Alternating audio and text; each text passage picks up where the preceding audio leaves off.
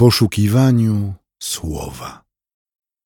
Rozważanie pisma prowadzi ksiądz Piotr Gaś, Kościół Świętej Trójcy w Warszawie. W księdze Izajasza w 49 rozdziale, w wersetach od pierwszego czytamy: Słuchajcie mnie, wyspy, ludy odległe, uważajcie. Pan powołał mnie już w łonie, wspomniał moje imię, gdy byłem we wnętrzu mojej matki. Uczynił moje usta jakby ostrym mieczem. W cieniu swej ręki mnie ukrył. Uczynił ze mnie zaostrzoną strzałę. Schował w swoim kołczanie. Powiedział mi, Ty jesteś moim sługą Izraelu. Przez Ciebie się rozsławię. Ja zaś myślałem, trudziłem się na próżno, daremnie, bez sensu zużywałem me siły. Z pewnością moja należność jest u Pana, moja zapłata u mojego Boga. A teraz tak mówi Pan, który w łonie ukształtował mnie na swego sługę, abym sprowadził z powrotem do niego Jakuba i zebrał mu Izraela. Okazałem się godny w oczach Pana. Mój Bóg jest moją siłą. On powiedział: To zbyt mało, że jesteś moim sługą, aby podźwignąć plemiona Jakuba i sprowadzić ocalonych z Izraela. Dlatego ustanawiam Cię światłością narodów, abyś był moim zbawieniem aż po krańce ziemi.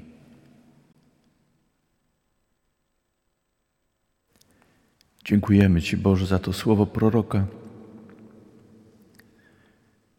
Prowadź nas w duchu Twoim, abyśmy rozpoznali tę pieśń o słudze Twoim. Uczyń to dla swej chwały, dla naszej mądrości, zbudowania i błogosławieństwa. Amen.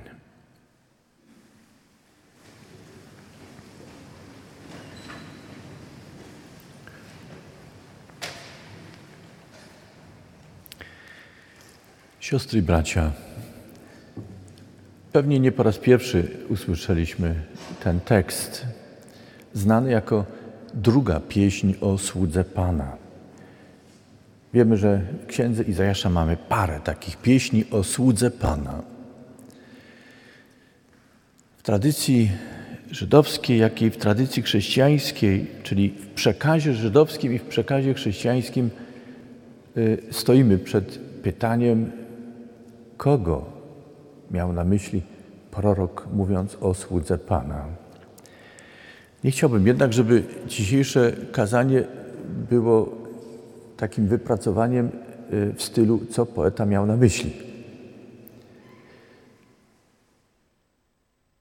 Warto więc sięgnąć do całego przekazu Księgi Izajasza, ale także do tekstów innych i myślę, że dzisiejsze czytania ułatwiają nam rozpoznanie sługi Pana i znalezienie odpowiedzi nie na pytanie, co Izajasz miał na myśli, ale na kogo wskazują pieśni o słudze Pana, kogo wolno nam rozpoznawać w tej pieśni.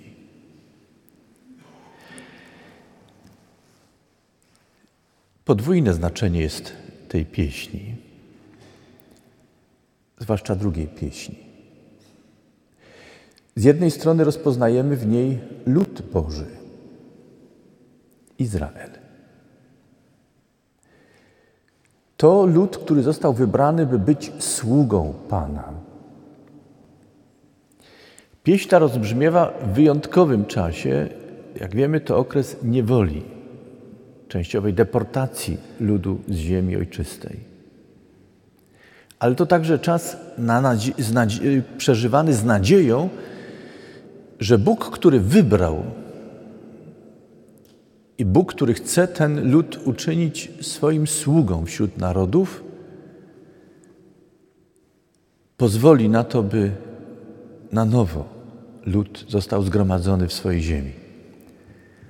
I stał się dla narodów, dla ludów świata takim jasnym znakiem Bożego miłosierdzia, Bożego prowadzenia. By wszystkie ludy świata pamiętały, że Bóg, który jest miłością, potrafi być także i jest sędzią i może srogo dotknąć nawet swój umiłowany, wybrany lud. Ale jest też Bogiem miłosiernym, który rozproszonych ponownie może zgromadzić, który podeptany i uniżonych, zniżonych może podnieść i wyróżnić. Ta pieśń, którą śpiewał prorok, w której głosił Bożą wielkość, Jego godność sędziowską, a jednocześnie miłosierdzie, wywoływała więc zarówno lęk, jak i nadzieję. Wstrząsała, ale też zapraszała. Zachęcała, by do Boga przyjść. To, co jest nadzwyczajne w tej pieśni, to oznajmienie, że zanim lud w ogóle pomyślał, zanim w ogóle pomyślał, Bóg już wiedział, co chce zrobić z tym ludem. Niejako wzbudził ten lud dla swojej służby, dla planów, które miał. Czytamy bowiem, że w łonie matki, kiedy dziecko jeszcze nie potrafi myśleć przecież, odbiera bodźce, ale jeszcze nie myśli, nie snuje refleksji.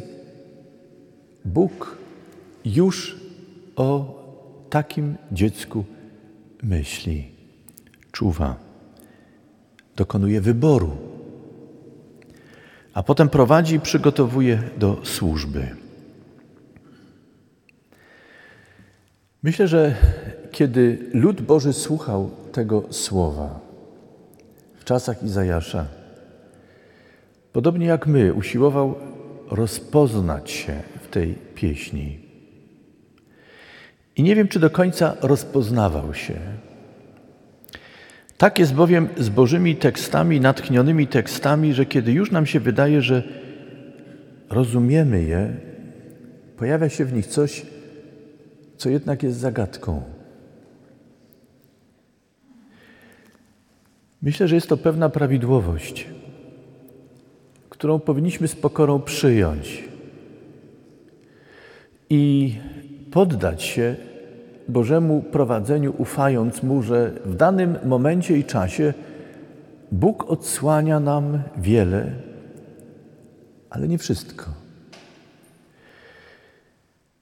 nie bawi się z nami. Natomiast ma w tym pewnie swój zamysł. To częściowe odsłonięcie czegoś przed nami ma nauczyć nas pokory i ufności. Mamy być niczym uczennica i uczeń poprowadzeni przez Niego. Mamy opanować to, co nam odsłania i do tego się dostosować, zastosować wypełnić, a jednocześnie to, co pozostaje ciekawością poznawczą, co jest znakiem zapytania, ma być zachętą, byśmy poszli ze swym Bogiem i Panem jako dobrym nauczycielem i byli cierpliwi, zaufali Mu, tak jak ufamy dobremu pedagogowi, nauczycielowi, trenerowi, że w swoim czasie poda nam nowy materiał, odsłoni przed nami znowuż coś, co będzie dla nas istotne i ważne. Każdy, kto obraża się na Pana, Boga swego, każdy, kto uważa, że jest mądrzejszy od Boga, wie więcej, rozumie lepiej, Każdy, kto w swojej niecierpliwości jest rozczarowany Bogiem, że jeszcze nie usłyszał tego, co, czego potrzebuje, a co gorsza, nie słyszy tego, czego się spodziewa, czego jego zdaniem, jako człowieka, jest jedynie słuszne i prawdziwe. Kto tak myśli, w istocie jest zamknięty na Boże poselstwo. Nigdy nie będzie robił postępów w życiu z Bogiem. Będzie przypominał ucznia, który siedząc na lekcji jest przemądrzały, pyta, ale nie słucha odpowiedzi. A kiedy nawet padają odpowiedzi, odrzuca je, bo wie lepiej. Lud Boży Izrael. W czasach, kiedy powstał ten tekst, słyszał, z całą pewnością słyszał o swoim wybraniu, prawdę poruszającą. Pewnie w trudnym czasie zadawali sobie pytanie, czy na tym ma polegać to Boże wybranie, że doświadczają tak wielkich trudów, poniżenia, upokorzenia. Pewnie pytali, czy to ma być poselstwo dla ludów świata, że wybrany lud cierpi, doznaje rozproszenia. Pewnie pytali o to, kiedy nastąpi odmiana ich drogi, kiedy staną się ludem wyróżnionym, postawionym na świeczniku tak, aby inne ludy patrząc na ten lud mogli oglądać moc i wielkość Bożego wybawienia. Pewnie spodziewali się, że kiedy Bóg to uczyni już nigdy więcej, lud ten nie dozna upokorzenia i cierpienia. Historia tego ludu jest złożona trudna. Przez jednych jest kochany, przez innych znienawidzony. Jedni w tym ludzie widzą błogosławieństwo dla świata i wszystkich ludów świata, doceniając talenty, którymi Bóg ten lud, jego członków, członkinie obdarował. Inni widzą w tym ludzie nieustanne zagrożenie, a potem snują spiski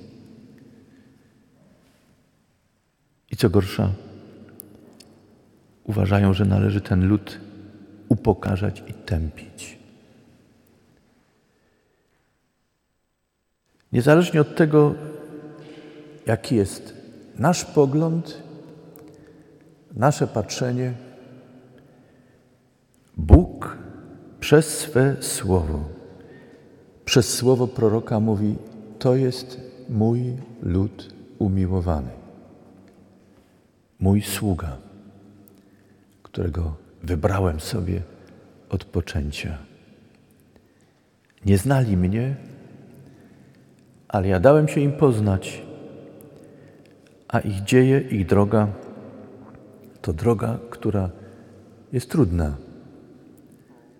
ale świadczy o wierności Boga wobec tego ludu. Siostry i bracia, z szacunkiem odnosimy się do takiego patrzenia na tę pieśń. A jednocześnie jako chrześcijanie odnajdujemy w tej księdze zapowiedź przyjścia jednego z potomków, członków tego ludu, którego Bóg wybrał w łonie matki i uczynił światłością świata. Wiecie, o kim mówię. Mówię o Chrystusie, Jezusie, Zbawicielu świata. To anioł zapowiedział Józefowi, że to, co poczęło się w łonie matki, poczęło się z Ducha Świętego. To Maria usłyszała, Żydówka wedle ciała z pochodzenia, usłyszała zwiastowanie anioła i zapowiedź zbawienia, które dokona się poprzez tego, który narodzi się z jej łona. To sędziwy Symeon. Pobożny mąż w świątyni złożył świadectwo o dzieciątku, które było wnoszone do świątyni w dniu jego ofiarowania. To prorokini Anna świadczyła o nim, kim jest ten, który przyszedł na świat. Jak zawsze, jak zawsze Boże dzieła budzą różnego rodzaju odczucia. I wielu Żydów uwierzyło w Jezusa jako Mesjasza. I niestety także wielu odrzuciło Jezusa jako Mesjasza. Nie do nas należy sąd nad kimkolwiek.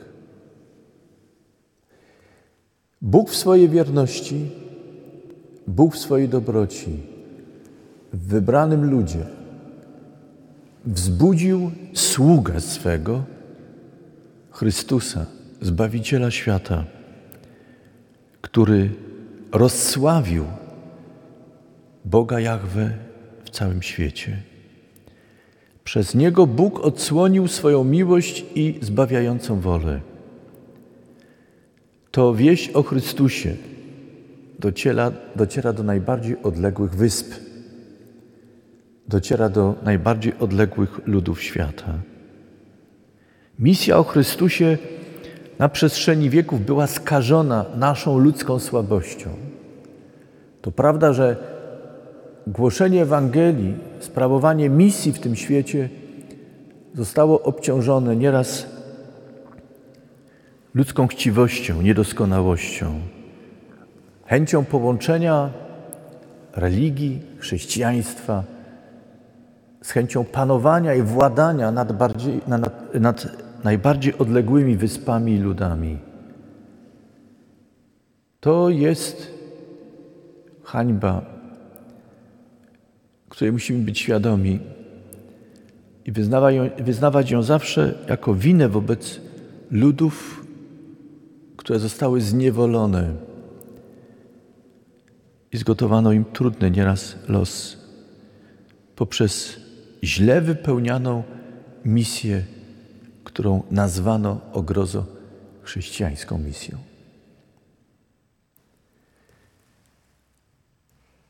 I za to Bóg sądzi ludy świata i sądzi Kościół swój jako swój lud z powodu niewypełnienia w godny i dobry sposób tego, co zostało nam powierzone jako Bożym wybranym, jako sługom Boga. Z tego powodu tak ważna jest dzisiejsza Ewangelia, która pokazuje nam Chrystusa, jakby innego, bo rozmawia z kananitką, poganką w sposób zaskakujący. Patrząc na kananitkę, można powiedzieć, ona jest jakby uosobieniem odległej wyspy, odległego ludu. Nie w sensie geograficznym, ale w sensie mentalnym, kulturowym była niezwykle daleko od Chrystusa i tych, którzy go otaczali. I Jezus używa początkowo w swojej rozmowie języka, który był znany i używany przez Żydów także uczniów patrzyli na kananitkę jak psa, co najwyżej szczeniaczka. Miłego, sympatycznego, którego można oswoić, ale jak psa. Nikt z nich nie zaprotestował, kiedy Chrystus używał ich języka.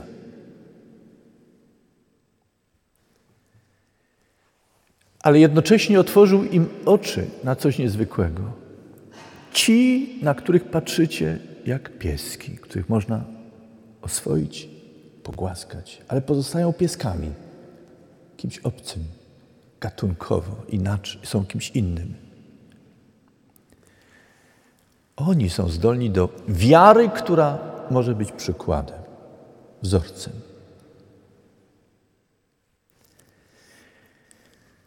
Siostry i bracia, po dzień dzisiejszy, także dla nas, obcy są czasem jak błąkające się psy. Także dla nas, może nie dla Was, ale dla wielu spośród naszych rodaków, ludzie obcy, którzy przybywają z daleka, są jak ci, których należy się bać i przepędzić. A jeśli lamentują, skomlą, używając tego obrazu, który jest przywołany w dzisiejszych, dzisiejszej Ewangelii, to należy pozbyć się jak najszybciej. Rzucić coś z naszego pańskiego stołu. Niech idą. Używam mocnych metafor, siostry i bracia. Ale chcielibyśmy zauważyć, że dzisiejsza Ewangelia to zderzenie światów, które można nazwać Chrystusowym, tym wybranym, Bożym i tym, który jeszcze się wydaje obcy, pogański, zły, który jest zagrożeniem. Chrystus przekracza granicę. Granicę mentalną, granicę kulturową granicę religijną. I Chrystus zniża się do kananitki i podnosi ją i wyróżnia ją na oczach świata. Ta Ewangelia głoszona na całym świecie pokazuje nam, że sługa Pański, Jezus Chrystus, pochodzący z narodu żydowskiego, którego Bóg uczynił znakiem swojego zbawienia i swojej miłości dla świata, Ta kobieta zauważona przez Chrystusa jest światłem Bożym zapalonym dla wszystkich ludów świata. Jakkolwiek daleko nie byliby dzisiaj od Boga i Jego słowa. I trzecia ważna myśl związana z dzisiejszym tekstem. Skoro Chrystus tak myśli, tak działa, skoro Chrystus to pokazuje i wzywa swój Kościół do naśladowania, czyż nie byłoby nieposłuszeństwem wobec Chrystusa, gdybyśmy poszli inną drogą? Czyż nie byłoby nieposłuszeństwem wobec Chrystusa, gdybyśmy odrzucali drugiego człowieka? Tego także, który przybywa nieraz z daleka, ale także tego, który jest blisko,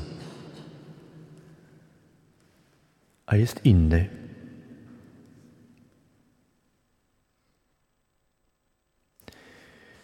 Za chwilę powiem Amen. Ale mam nadzieję, że dzisiejsze słowo będzie rezonowało w naszych myślach.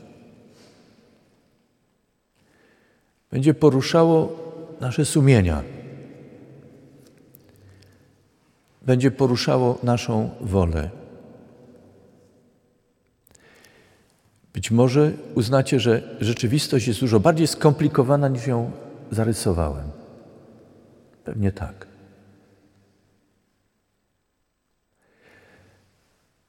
Ale o jedno proszę, myśląc o rzeczywistości, w której żyjemy, nie odchodźmy od źródła, od początku, którym jest Bóg i Jego objawienie. Mamy bowiem zbudować świat nie według naszych wyobrażeń i rozumienia Jego złożoności. Ale mamy sobie uświadomić, że cały czas jesteśmy w Bożym świecie, który już został zbudowany. On jest. Ten świat już jest. A naszym powołaniem, naszym zadaniem jest w oparciu o Boże Słowo odnajdywać Jego wskazania, Boże wskazania.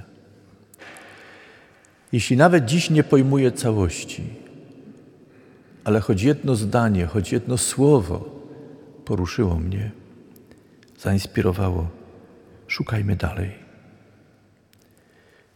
Zachowajmy to słowo w naszych sercach.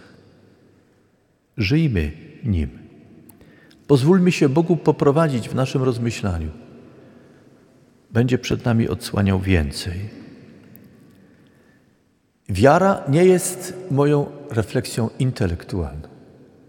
W każdym razie nie wyłącznie. Wiara, jak słyszeliśmy dzisiaj z lekcji, jest mocą, jest stanem ukształtowanym przez Boże Słowo. Potrzebujemy więc tego słowa się uczyć, trwać w nim. O to Was proszę. Do tego zachęcam. Wzrastajmy w mocy Bożego Słowa, na Bożą chwałę, dla dobra wspólnego i na świadectwo światu, w którym żyjemy. Amen. Przyjmijcie życzenie pokoju.